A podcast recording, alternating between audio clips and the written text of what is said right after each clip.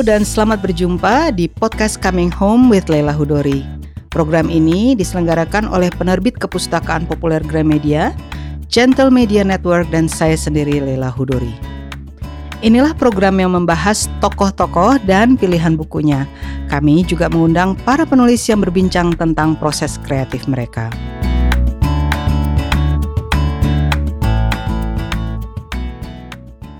Setiap hari ada senja tapi tidak setiap senja adalah senja keemasan.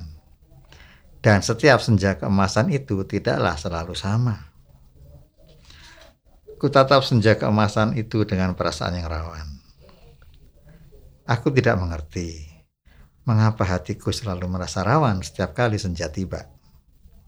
Senja ini juga membuat hatiku rawan. Apakah karena senja selalu seperti sebuah perpisahan? Senja begitu cepat berubah, memberikan pesona yang menghanyutkan sebentar, lantas meninggalkan bumi dalam kelam. Senja begitu indah, tapi begitu fana. Apakah segala sesuatu dalam kehidupan ini memang hanya sementara? Setiap kali senja yang keemasan terbentang di depan mataku, aku berkutat mengabadikannya dalam diriku.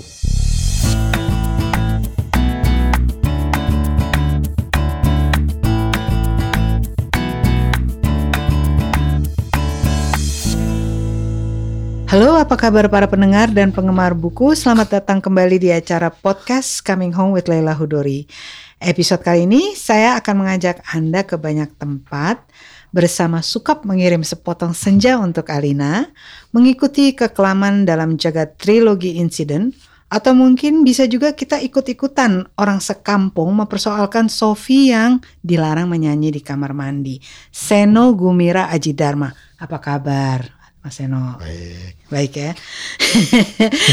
ini ini baru tiga dari ratusan kali ya. Tiga dari ratusan karyanya yang luar biasa banyak nih yang saya sebut tadi di atas.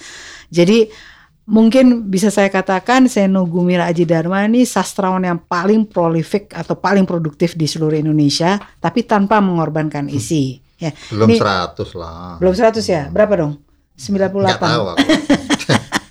Ya, nggak, tapi ini tahun ini aja nih ya, ada obrolan sukap, ada transit, terus ada terbitan ulang kala tidak. Mungkin eh, pendengar udah pernah membaca kala tidak, tapi ini katanya ada tambahan reviews dari Hilmar Farid sama eh, Melani Budianta ya. Kemudian masih akan terbit lagi Naga Bumi ketiga, ada lagi ngobrolin komik, film dan pasca nasionalisme. Loh, Banyak banget ya. Jadi saya agak bingung ini ini pertanyaan pertama saya bagaimana bisa manage to write all this atau ya satu dua tiga empat lima enam loh enam buku di dalam setahun. Itu gimana ceritanya tuh? Ya, itu kan cuma dikumpul-kumpulin aja. Ya, film sama film, aja. komik sama komik. Iya tapi kan nggak juga ya kayak Naga Bumi itu kan Ya, silat sama silat. ya Ya, itu bersambung. silat apa silat. cuma satu bersambung. Betul. Kan lebih gampang lagi. Dia tapi kan itu pasti diedit lagi ya ketika jadi buku enggak? Hmm, sejauh faktanya aja. Ya kan artinya kan Ah. ketika cerita bersambung. Bahasa bahasa ya. Enggak enggak sampai gitu. ah, Enggak sampai jadi bagus gitu enggak. Tapi ada proses editing lagi. Ya, secuil. Secuil. Oke. Enggak dalam arti bukan dramaturgi. Oh. Enggak enggak terlalu nyastranya lah enggak. Oke. Lebih bahasa data terutama, data. Data. Ah. Jadi kalau misalnya yang serius pengerjaannya panjang, ada riset dan kemudian uh, setiap babaknya itu uh, betul-betul bukan sekedar mengumpulkan itu mungkin seperti yang kala tidak ini ya atau Eh, seperti negeri novel lah rata-rata gitu. novel ya. Mm. Kumpulan cerpen Roman. masa enggak? Kumpulan cerpen Macam kan tinggal kronologis aja udah. kayaknya dibi- dibi- dibikin gampang deh nih. Curang banget nih. Oke, eh, ini saya mau ngomong ini dulu nih. Eh, kemarin ini banyak sekali netizen yang bertanya eh, banyak banget eh, dan kelihatan sekali mereka ada anak-anak muda. Dan kalau mau jujur kelihatannya banyak sekali yang perempuan. Eh, mereka kebanyakan bertanya soal eh, sepotong senja untuk pacarku. Jadi kesimpulan saya ada dua sastrawan ya, katakanlah yang usianya sudah senior, yang karyanya sering digunakan untuk merayu nih. Satu eh, Sapardi Djoko Damono, eh, puisi aku ingin itu sampai dipakai katanya Pak SDD itu dipakai untuk either untuk menyatakan jatuh cinta atau untuk undangan kawin katanya. Dan satu lagi Seno Gumira Aji Dharma sepotong senja untuk pacarku. Nah, ini eh, kalau saya baca dari beberapa karyanya saya terus terang belum semuanya yang jumlahnya puluhan itu. eh ini cerita yang paling romantis menurut saya ya. Ini apa sih latar belakangnya bercerita seromantis ini? Hmm? Eh, apakah suatu hari pernah melihat senja dan terus ada perasaan, oke saya mau bikin mau potong terus bikin seperti postcard atau itu adalah satu jiwa muda yang kemudian disalurkan ke situ atau Udah gimana sih? tua lah juga waktu itu. Hmm. Ya tapi tuanya kan nggak. ah, ah. Gimana ceritain dong? Ya persis seperti itu. Apa? Ini ya. Bahwa? Ya ada senja. ah, Ya terus persis seperti ceritanya itu. oh itu yang dirasakan Hmm, persis seperti Tinggal ditulis ceritanya. aja. Oh gitu. Cuman fiksi itu ya. Oh jadi nggak beneran ya? Ya mana mungkin beneran. Ya maksudku barangkali ada the real Alina gitu loh. Ya ada lupa itu. Aduh gak enak bener ya kalau sama orang yang pernah pacaran sama udah lupa aku.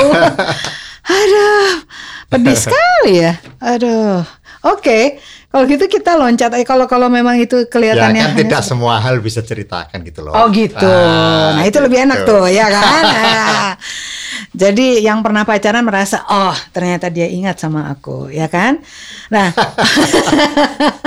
tapi benar eh, menyadari nggak bahwa itu kemudian dipakai betul-betul sama eh, anak-anak muda untuk merayu pacar mereka. Iya, iya. Kan saya tulis di pengantar itu. Oh. Iya iya iya iya yang di, di yang Ah. versi baru ya Ah, Ah, ah, bahwa iya. ternyata itu digunakan. Iya. Ah, ah. Makanya di versi baru ada suratnya. Oh yang dilipat. Tapi yang namanya dilipat- dikosongi. Iya yang dilipat dua itu. Jadi orang bisa ngisi sendiri. Itu Jadi- usul penerbit. Iya, jadi dilipat dua, suratnya Ah. dilipat dua, terus tulisannya rada Ah. kayak pakai font tulisan tangan, Ya. gitu. Terus udah gitu itunya titik Ya, jadi bisa kita. cetak pertama itu masih ikut SGA-nya. Wah itu kan gawat dikira aku merayu semua orang. nah kemudian hilang. Aduh, ya Allah. Oke, eh saya sekarang ke karya favorit saya ya. Hmm. Trilogi insiden ini, eh meskipun saya sebenarnya tahu, tapi kan pendengarkan banyak yang masih muda. Ceritain dong itu eh, latar belakangnya, bagaimana dimulainya ada persoalan insiden Dili, Santa Cruz, November 91 ya kalau nggak salah ya. Iya kan, Iya. 91 ya. Artinya kan aku udah keluar dari Jakarta-Jakarta ya Hmm, saat itu. Hmm. Dulu teman kantor, bos. nah, jadi eh ketika peristiwa itu apa sih yang terjadi? Beneran eh, saya tuh taunya setelah baca ini. Hmm. Jadi setelah peris- sebelum peristiwa itu sebetulnya sudah ada demo kalau nggak salah ya di HI gitu-gitu loh. Jadi udah menonjol lah soal Hmm. itu. Kemudian insiden Dili itu kan ah, karena ada orang-orang yang melakukan misa kebaktian itu loh Betul. bagi teman mereka yang ya itu temannya ada kejadian lah gitu. Hmm. Nah, itulah yang berkembang menjadi insiden Dili, Ya, yakni mereka ya itu Dike- sebetulnya kacau jadi kacau. Iya. Sul- sudah sulit lah apa Hmm. apa memeriksanya lagi ya. Kemudian itu terjadi ya tembakan, ditembak, ah, ditembak. tembakan. Hmm. Itu hanya 5-10 menit ya dan itulah yang disebut insiden Dili. Ya. Nah, kemudian apa sih yang terjadi kan waktu itu eh, Jakarta-Jakarta menulis ya berita ini. Mm-mm, mm. Nah, terus apa yang terjadi? Ngirim orang. Hmm, ya, ngirim orang. Ah, terus apa yang terjadi? Ya, jadi eh, Sensor dari dalam ya. Ya, jadi kita kirim dua Mm, perempuan reporter. Gitu. mm, Nah, mula-mula mula-mula itu perempuan laki-laki mm, mm. ya dan saya nggak terlalu puas, dikirim lagi sekarang dua perempuan. Oke. Yang satu itu sudah yang pergi ikut pergi pertama ya. Mm-mm. Dan saya yakin ini masalah daya tembus ya. Ya dua kawan ini wartawan ini mudah sekali ya. Mm. Jadi baru sekarang mereka sadar itu agak berbahaya gitu. Mm. Waktu itu nekat aja. Dulu ya nggak sadar sama sekali, asik aja gitu. Nah itu kemudian menjadi laporan. Mm. 17 saksi mata itu dilaporkan mentah sekali. Nama, pekerjaan, nama itu umur, rrrr, Mm. gaya aku gitu. Jadi salin semua mentah gitu. Mm. Nah itu memang ada dua peristiwa jadi satu. Mm. Pertama kan November ya. Iya. dikirim itu agak kemudian ya. Di naskah saya terima Desember. Hmm. Kita tahu masalah mingguan itu Desember mengejar libur, kita mesti bikin dua atau tiga nomor Iya. sekaligus. Nah, Iya. Jadi banyak halaman kosong. Mm. Nah, saya masuk 2 Januari. Wah, isinya nggak ada nih. Mm.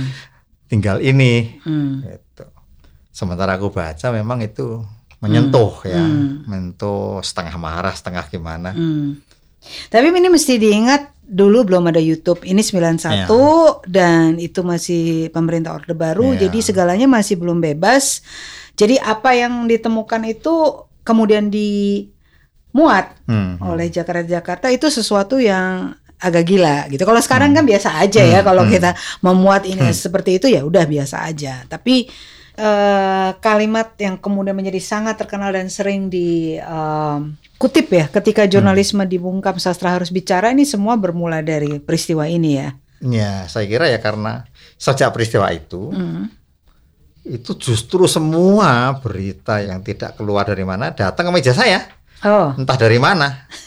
Ya teman-teman tuh banyak yang ikut aji gitu Iya, kan. iya. Eh waktu itu belum dibredel ya. Aji itu Belum. baru 94. Tapi ah. gerakan-gerakan gitu lah. Ya, gerakan di bawah. Yang kelak dia ikut aji gitu. Ya.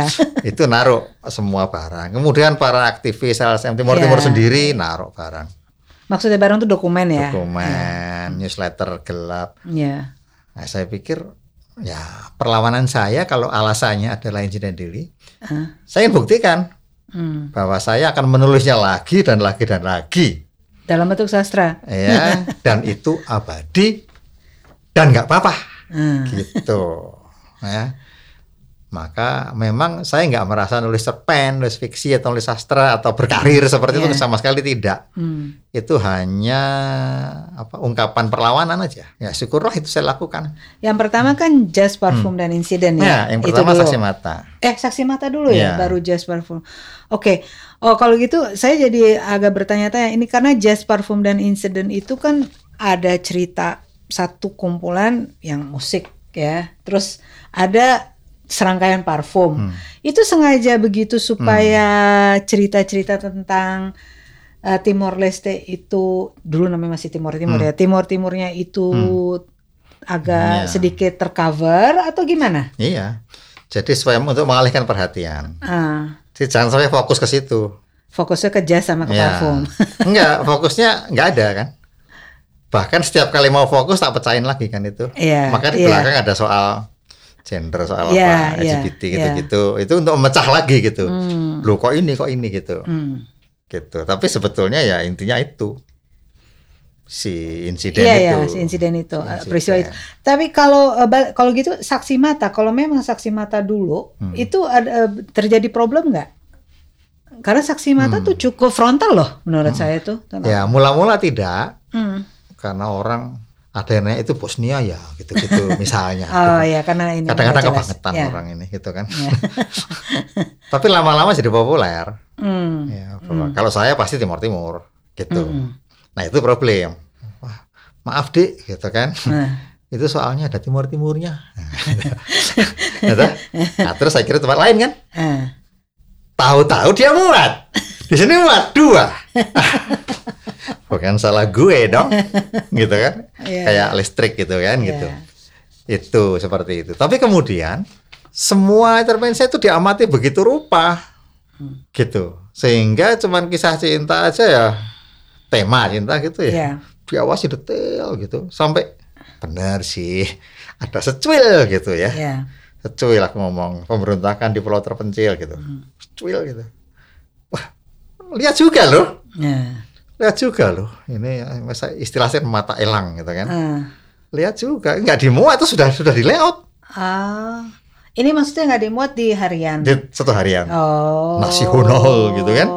nah judulnya The Tem gitu kan Oh. jadi kan sudah jelas temanya tema kayak gitu Tema cinta, tapi, tapi ada, ada satu- si pelakunya itu Ya. memang ah ingatannya ke sono gitu ya, kan ya, ya, ya. Gitu. Ya udah bukan di tempat lain ya, tempat lain nggak sepeka ini masuk gitu. Oh. Jadi Gitu. sekecil itu pun Jadi itu ini- kemudian makin lama makin melebar nih, Hmm, yang aware ini, ya. yang aware melebar sampai ya akhirnya kan itu saya muat di masalah hidup, itu masalah agama. Iya, iya, iya. Aku Masuk. baru tahu itu ada cerpennya. Ada. Ada. Oh, Oh.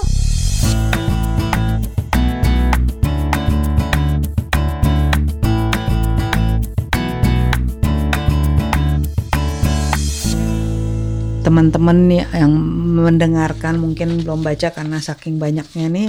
Ini eh, ada yang ingin saya tanyakan nih. Misteri Kota Ningi ini bacanya Ningi ya. Hmm. Ningi ya. Pada hari pertama aku memasuki sebuah rumah, aku menemukan suatu hal yang ajaib. Kuhitung seisi rumah, ada tujuh orang di sana. Jadi semuanya ada tujuh ya bu? Sebenarnya delapan. Ya yang satu sudah meninggal kan? Tidak, dia belum mati. Dia memang dibunuh tapi belum mati. Ini apa eh, dialognya serem banget gitu loh. Mana dia? Dia ada di sini bersama kami. Mana?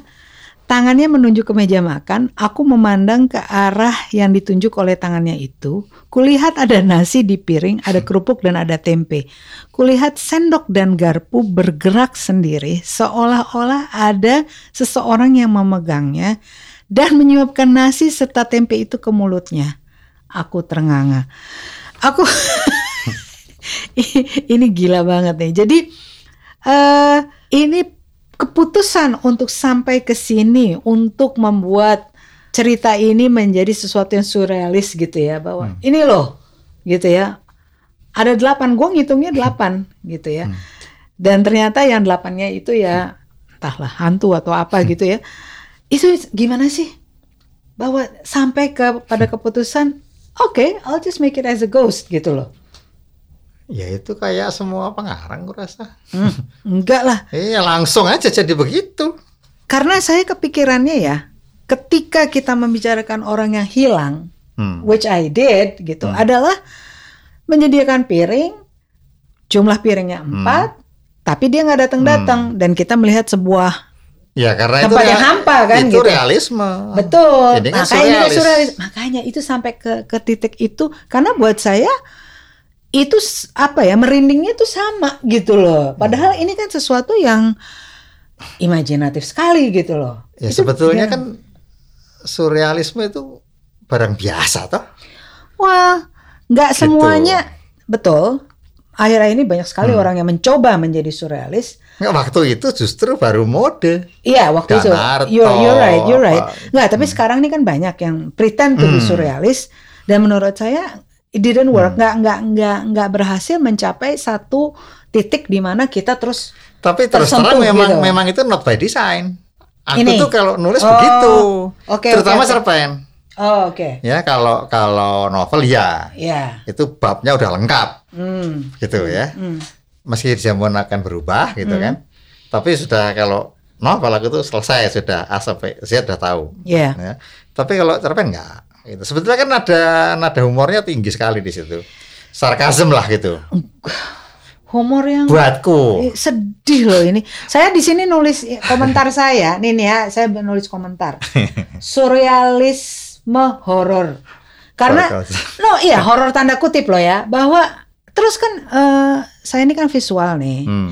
Jadi karena digambarkan bahwa Hmm, itu makan sendiri tanpa ada real hand, itu kan buat saya kan jadi seperti horor tanda kutip gitu. Well, of course it's surrealist. Tapi waktu kerupuk Gila loh krauk itu. krauk kan. krauk krauk. Itu sebetulnya Iya, aku bagian berhumor. Iya, aku nggak kebayang si. Sarkasm. Aku kebayangin ketika itu senogar punya bergerak sendiri gitu. Aku langsung, Ya kan? oh my krauk krauk god, krauk gitu. nah, Gila ya lo, gila. Jadi aku humor di dalam kepala gitu loh. Iya. Nah, Yang yang baca belum tentu melihatnya sebagai ya humor itu loh. ada yang bilang kayak berapa. Eh, aku sih bener-bener aku sih nggak ngeliat Roma Cabre. aku- nulisnya gitu. Hmm. gitu aku nulis. Apalagi sih sensus tadi. gitu. Sensus, ya, ya. Iya. Itu. Ini eh, soal footnote ya. Eh, ini SGA termasuk eh, orang yang suka menggunakan footnote. Ya, Saya dulu menggunakan footnote terus dimarahin sama para orang-orang asing yang menerjemahkan karena kalau di negara barat itu katanya nggak boleh pakai footnote kalau kalau apa kalau fiksi. Katanya footnote tuh hanya boleh untuk akademik. Hanya untuk akademik. Nah eh, saya mau tahu aja karena kan banyak sekali hampir di setiap berapa halaman itu pasti ada footnote nih di all your works di karya-karya di karya-karyanya Mas Seno. Nah ini saya mau tanya pendapatnya nih soal footnote nih. Karena Indonesia sastra Indonesia cukup generous dengan itu bahwa ah boleh gitu ya. Tapi begitu nanti diterjemahkan kamu diterbitkan rese mereka gitu. Makanya itu itu yang boleh hanya akademik gitu. Uh, uh, komentar apa nih soal footnote nih? Ya senang aja. Oh menggunakan Iya, footnote. Iya kan lucu. Hmm. ya kan? Kadang-kadang kadang serius Iya. kan kayak kayak kayak Iya. tabel itu. Iya. Kadang malah aku mengoreksi George Yunus di Sondro itu. Tak jumlah salah dia. Ah, Jadi aku koreksi gitu loh. di dalam footnote. Ah, koreksi. Tapi juga kadang pura-pura serius ya. Tapi Iya. itu sebetulnya bagian dari sahastranya itu Ah, gitu. Bagian dari dari per- Ah, ya, ah, permainan gitu. ya. Oke. Dan Tapi kan kadang-kadang footnote juga untuk dan menjelaskan aku kan. bukan yang pertama. Oh iya memang. Kan aku nonton Olenka itu udah Olenka. Oh, Lenka banget banyak Nah, banget. Itulah footnote pertama yang kulihat. Hmm. Dan itu aku bacanya ketawa. Nah, jadi kenapa aku tidak menghibur orang juga dengan footnote? Oh, Lenka gitu. tuh footnote-nya emang kayak bagian dari karyanya Iya. sekalian bahwa oh saat itu tok nih tokohnya misalnya tokohnya si siapa itu sedang berjalan-jalan di ini Iya. dia menemukan itu gitu Bahkan kan. satu bab itu menerangkan novelnya kan yang Iya, terakhir. iya. Terus terakhir itu menerangkan seolah-olah, novelnya. Iya, seolah Diulangi lagi tapi dari sisi non fiksi. Iya, Yang iya. tiga Lucu perempuan di lift, tiga anak kecil di lift itu. Ya. Cuman kan maksudku ini kadang-kadang kan eh, footnote itu kan suka menjelaskan misalnya eh, ini pakai bahasa asing terus nanti di footnote-nya Hmm. dikasih tahu ini atau bahasa Jawa gitu terus nanti dikasih tahu ini terjemahannya ini gitu karena kalau ditaruh di tubuhnya kan jelek kan suka begitu kan footnote. Ya, aku belum seserius itulah. Oh jadi ini benar-benar dibikin mainan mainan aja gitu iya, ya. part of the game. Sastra kan game katanya. Oh gitu. Eh, aku mau tanya karena ini yang muda nih pada nggak ngalamin orde baru ya, tapi eh, mereka sekarang baru menyadari betapa kita juga mempunyai hal-hal yang cukup mengerikan gitu ya, Eh, seperti ada undang-undang ITE, ada undang-undang penistaan agama. Dan berbagai macam undang-undang yang makin lama makin bikin kita ngeri gitu ya pencemaran nama baik dan sebagainya itu udah ada sebetulnya. Tapi yang paling terbaru yang sudah mulai digunakan dengan cukup kerap padahal dia udah ada sejak tahun 65 tuh undang-undang penistaan agama. Nah, dibandingin ketika Orde Baru di mana kita lebih dipaksa untuk self censorship ya dan terjadi intimidasi-intimidasi supaya kita nggak bisa terlalu bebas itu gimana? What's really uh, better? Suasana sekarang atau dulu? Ya, aku rasa sekarang itu kita bisa bicara. Masih bisa bicara dengan segala Iya. ini ya undang-undang tadi Iya. ya. Kalau dulu kan bicara aja susah. Hmm. Bahkan kita nggak dilarang juga takut, gitu kan? Iya, Artinya bukan takut ya menahan diri dan segala Ya, macam. ya, ya, ya. Ya karena ya masa koran ada siupnya, Iya Ya kan? sekarang enggak ya. itu kan ya. sekali cabut. nggak bisa Saya ingat tuh dia ada seorang dirjen di depanku itu. Ini kalian udah melanggar sampai ke empat kali, lima kali, pada batas tiga kali. Mau apa kalian? Gitu ya, ini contoh nih. Hmm. Mau apa kalian? Nah, diam aja. Saya liatin dia. Hmm. Loh, Anda kayaknya berani ya? Berani sama saya? Gitu. Itu saya bener-bener pengen nonjok dia, gitu ya. Iya. Tapi saya pikir kan si siup ini, Iya. Gitu. Ada di tangan dia soalnya. Itu, kamu berani? Saya pengen bilang sebetulnya, Heeh. gitu kan? Berani banget. Eh, saya eh kalau sama bapak saya berani, gitu. Tapi ya nggak bisa ngomong gitu. ya. Dan ini dia mau kekuasaannya itu dia pesta pora dengan itu. Jadi ini dikit saya harus sedikit pedantik Hmm, ya. Siup itu surat izin surat izin apa? Izin usaha, Usaha penerbitan. Itu adanya di zaman P-nya dua, aku lupa P-nya Iya, belakang. SIUPP. Ah, jadi itu adalah surat izin kalau kita mau bikin majalah, mau bikin koran, mau bikin eh, media lah Iya. pokoknya. Dan di zaman itu kan masih baru ada print ya, belum ada digital. Dan itu yang mengeluarkan adalah Departemen Penerangan, sebuah departemen yang sekarang Iya. sudah dihapus. Eh, jadi ini untuk Itu perkembangan dari SIM, eh SIT. Set Dulu dulunya sujud. subjat izin terbit Ya, doang. dulunya. ah, ah. Jadi sekarang kalau ada apa-apa seluruh perusahaannya yang di Nah, kalau itu. SIUPP itu seluruh perusahaannya tutup seperti yang terjadi sama Tempo 94 ya. Jadi em, oke, jadi di masa lalu eh ya itu ya nggak bisa ngomong dan sekali dicabut mati ya Iya, kan. iya. Ah, eh, kemudian eh, tetapi ya ini kalau sekarang tuh tantangannya tuh karena kayaknya kok gampang banget ya menggunakan undang-undang Iya. itu tadi ya undang-undang Sekarang agak ITE. agak kurang seninya. Perang aja kita. Iya, bawaannya mau berantem aja gitu ya. Kurang seninya dulu memang gak bisa ngomong, Ah. tapi seninya tinggi. ya buktinya lahir semua buku itu kan. Oh, iya. Ini gini gitu. Jadi kalau gitu seni itu lahir di bawah tekanan gitu ya. Antara lain. Antara lain ya. Oke. Nah, em Iya saya setuju sih, saya setuju bahwa memang dulu itu betul-betul nggak bisa ngomong dan eh, hidup kita tuh kayaknya dikit-dikit diikutin intel gitu ya. Hmm. Tapi tetap ya kalau sekarang kita juga sekarang ngomong itu lebih hati-hati karena undang-undang yang banyak ini Karena loh. bukan Intel sekarang tetangga. tetangga ya. Ah, nggak tahu nih siapa. netizen netizen Ah, Netizen, ini apa netizen lebih kita lebih nggak enak. Ya seleranya rendah sekarang Rendah. selera apa yang rendah? Eh, itu. Gaya perangnya, gaya debatnya, gaya polemiknya lah. Ya, ya. rendah gitu ya.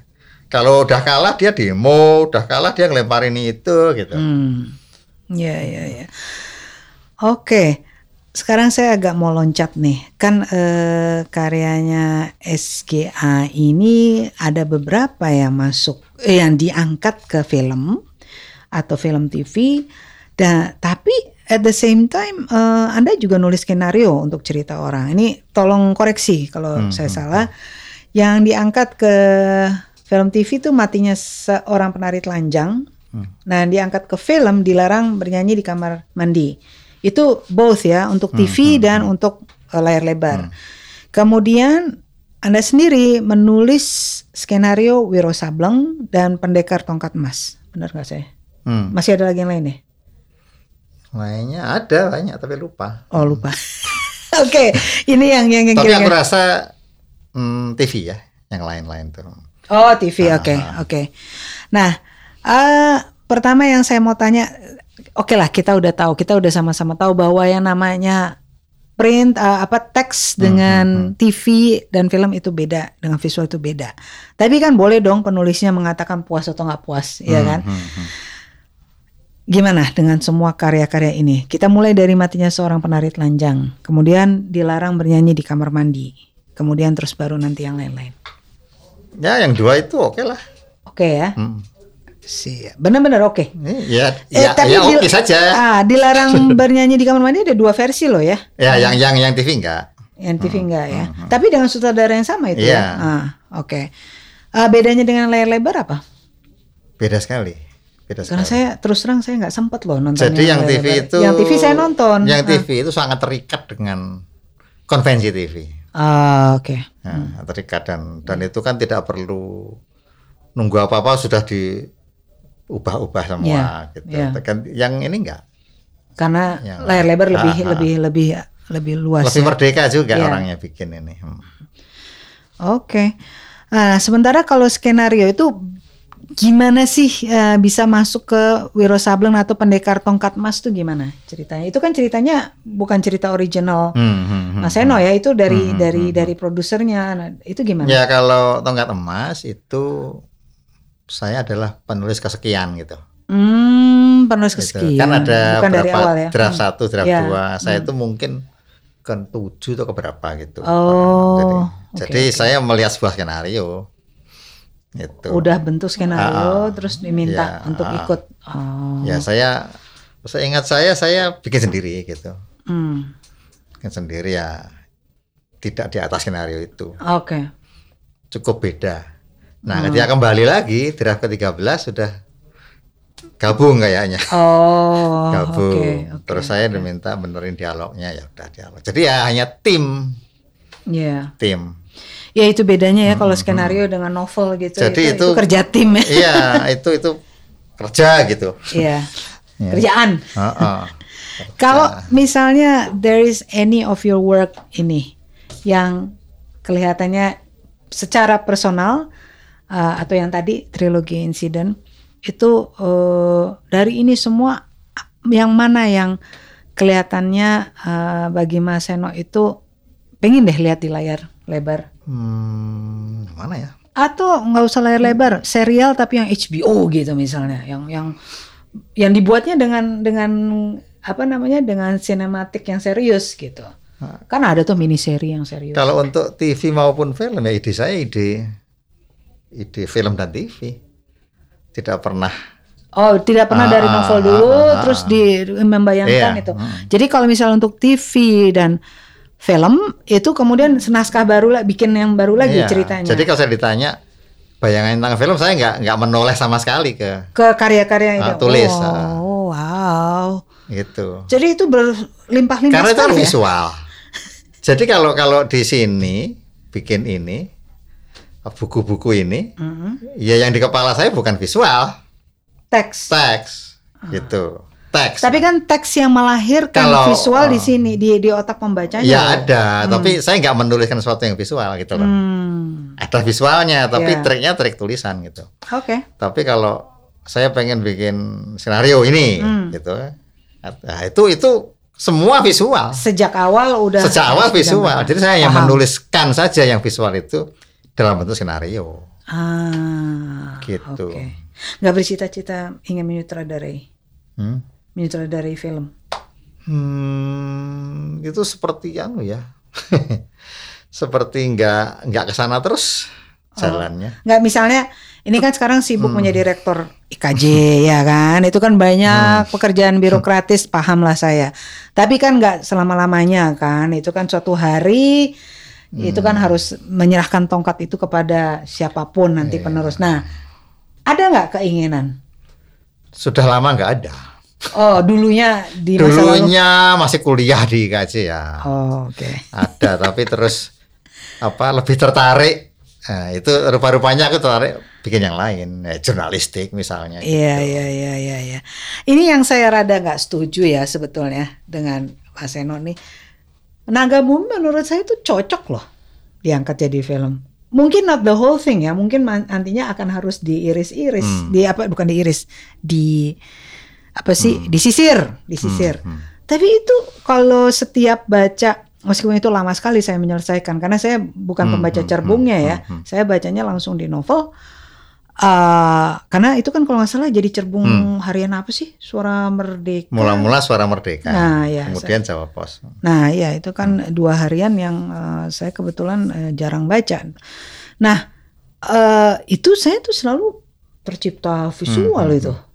Nggak nggak nggak merasa tertarik ya itu ya Naga Bumi ya. Itu Ya, keren banget loh. Tertarik itu kan ngapain saya tertarik kalau keputusan ditulis. bukan di tanganku gitu loh. Oh, Kalau aku maksudnya punya- gini, kalau ada yang tertarik menawarkan gitu loh. Sudah lama aku tidak punya disiplin seandainya. Hmm, gitu ya. Santai.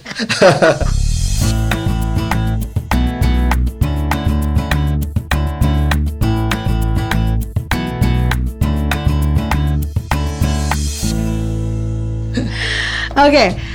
eh, sebelum nanti saya bertanya pertanyaan terakhir, ini ada para penggemar, eh, bukan penggemar lah apa ya, netizen yang kelihatannya sangat sangat fans sama Seno Gumira Aji Dharma. Biasanya tuh cuma dua, saya sampai pilih tiga saking banyak sekali yang masuk. Ini tolong dijawab ya. Pertama dari Ed Launarisadia. Pak Seno dan Bu Leila, dari buku-buku yang sudah ditulis, buku apa yang proses penyusunannya paling lama? Tamu Ya. dulu deh kalau aku sih. gampang. Oh, ya pasti naga bumi karena belum selesai sampai sekarang.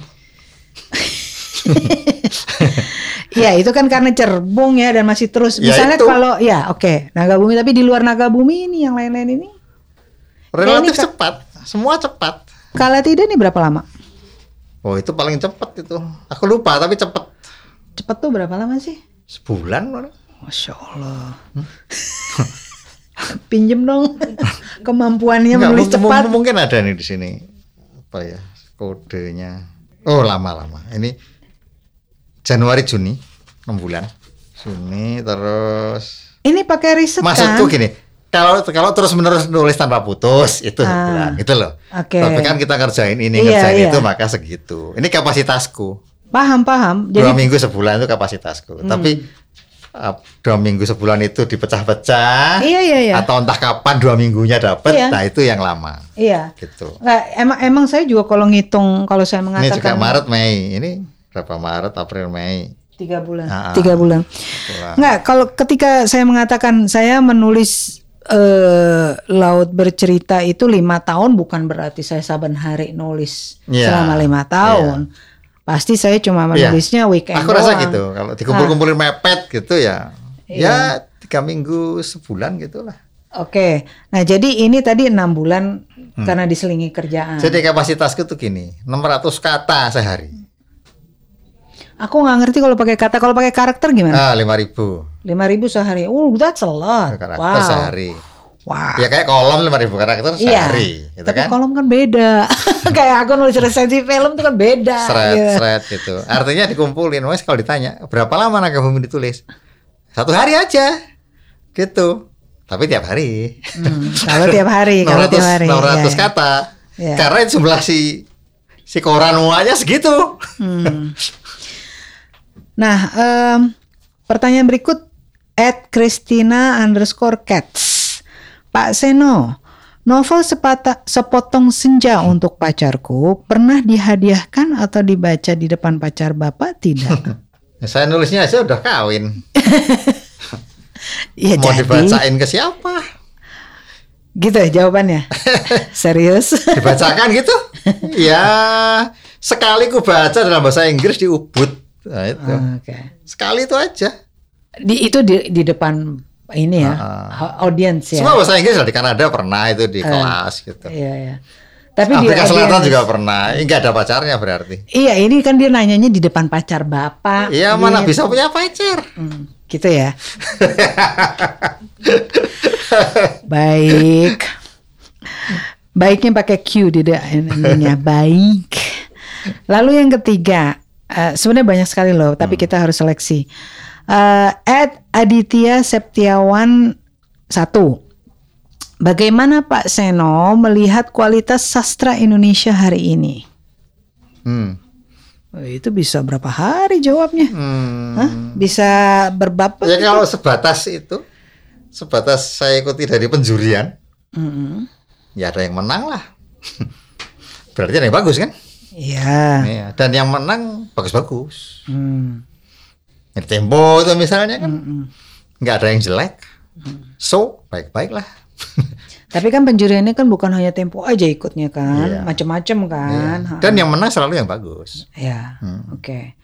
Kan kayaknya dia bagaimana melihat kualitas sastra Indonesia hari ini. Artinya maybe eh, saya tambahin sedikit in comparison Hmm, dengan masa lalu 80-an, 90-an gimana gitu loh. Mungkin ya.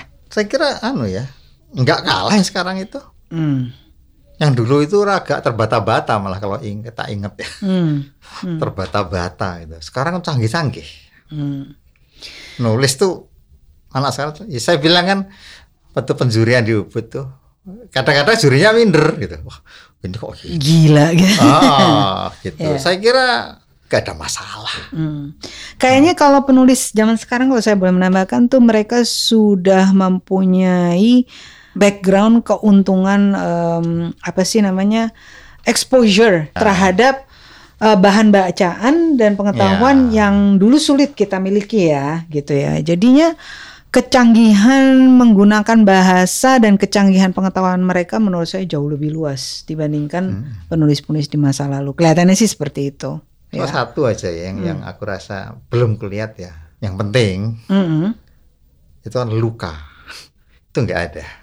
Serius di dalam tulisan mereka. Sastra yang baik itu ya ini setauku gitu. Ya, Luka itu nggak ada. Yang ada ya, kecanggihan ya happy go lucky gitu loh. Hmm. Tapi happy go lucky-nya orang pinter emang gitu loh. Iya, ya paham, paham, gitu. paham. Tapi nggak nggak ada luka. Dan aku belum melihat empati. Serius. empati kepada orang-orang tertindas gitu.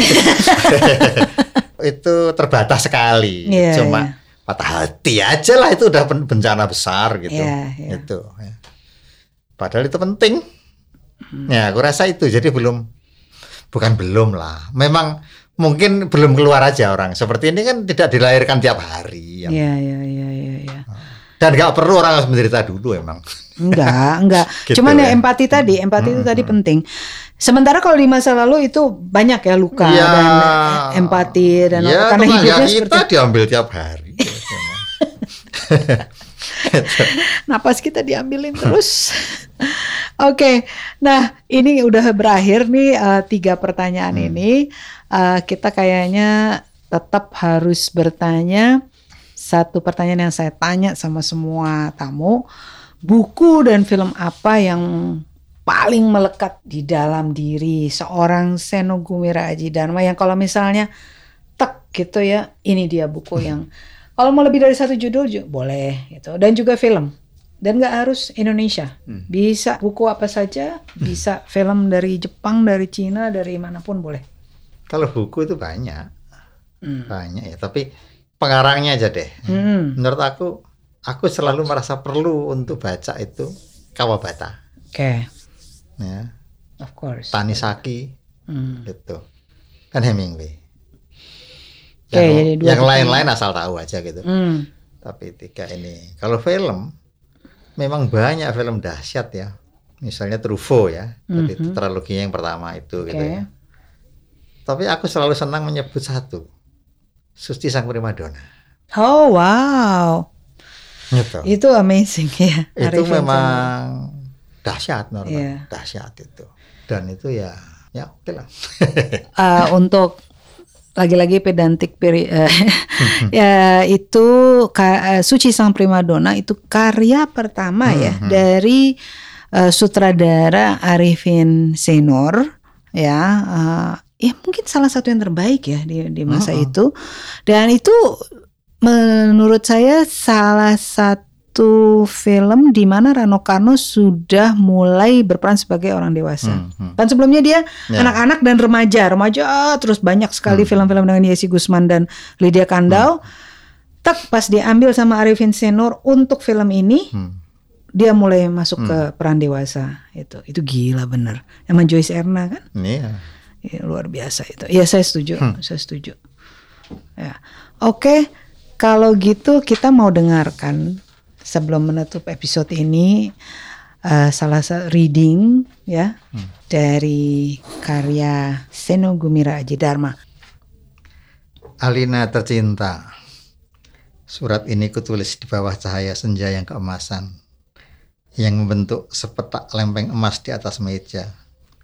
Di tempat sekarang aku memikirkan dirimu. Apakah yang sedang kamu lakukan sekarang, Alina? Apakah kamu sedang minum kopi? Apakah kamu sedang menyetir di belantara kemacetan yang menjengkelkan? Apakah kamu sedang berada di suatu tempat entah di mana di balik bumi memandang senja perlahan-lahan menjadi malam? Kutulis surat ini perlahan-lahan, Alina.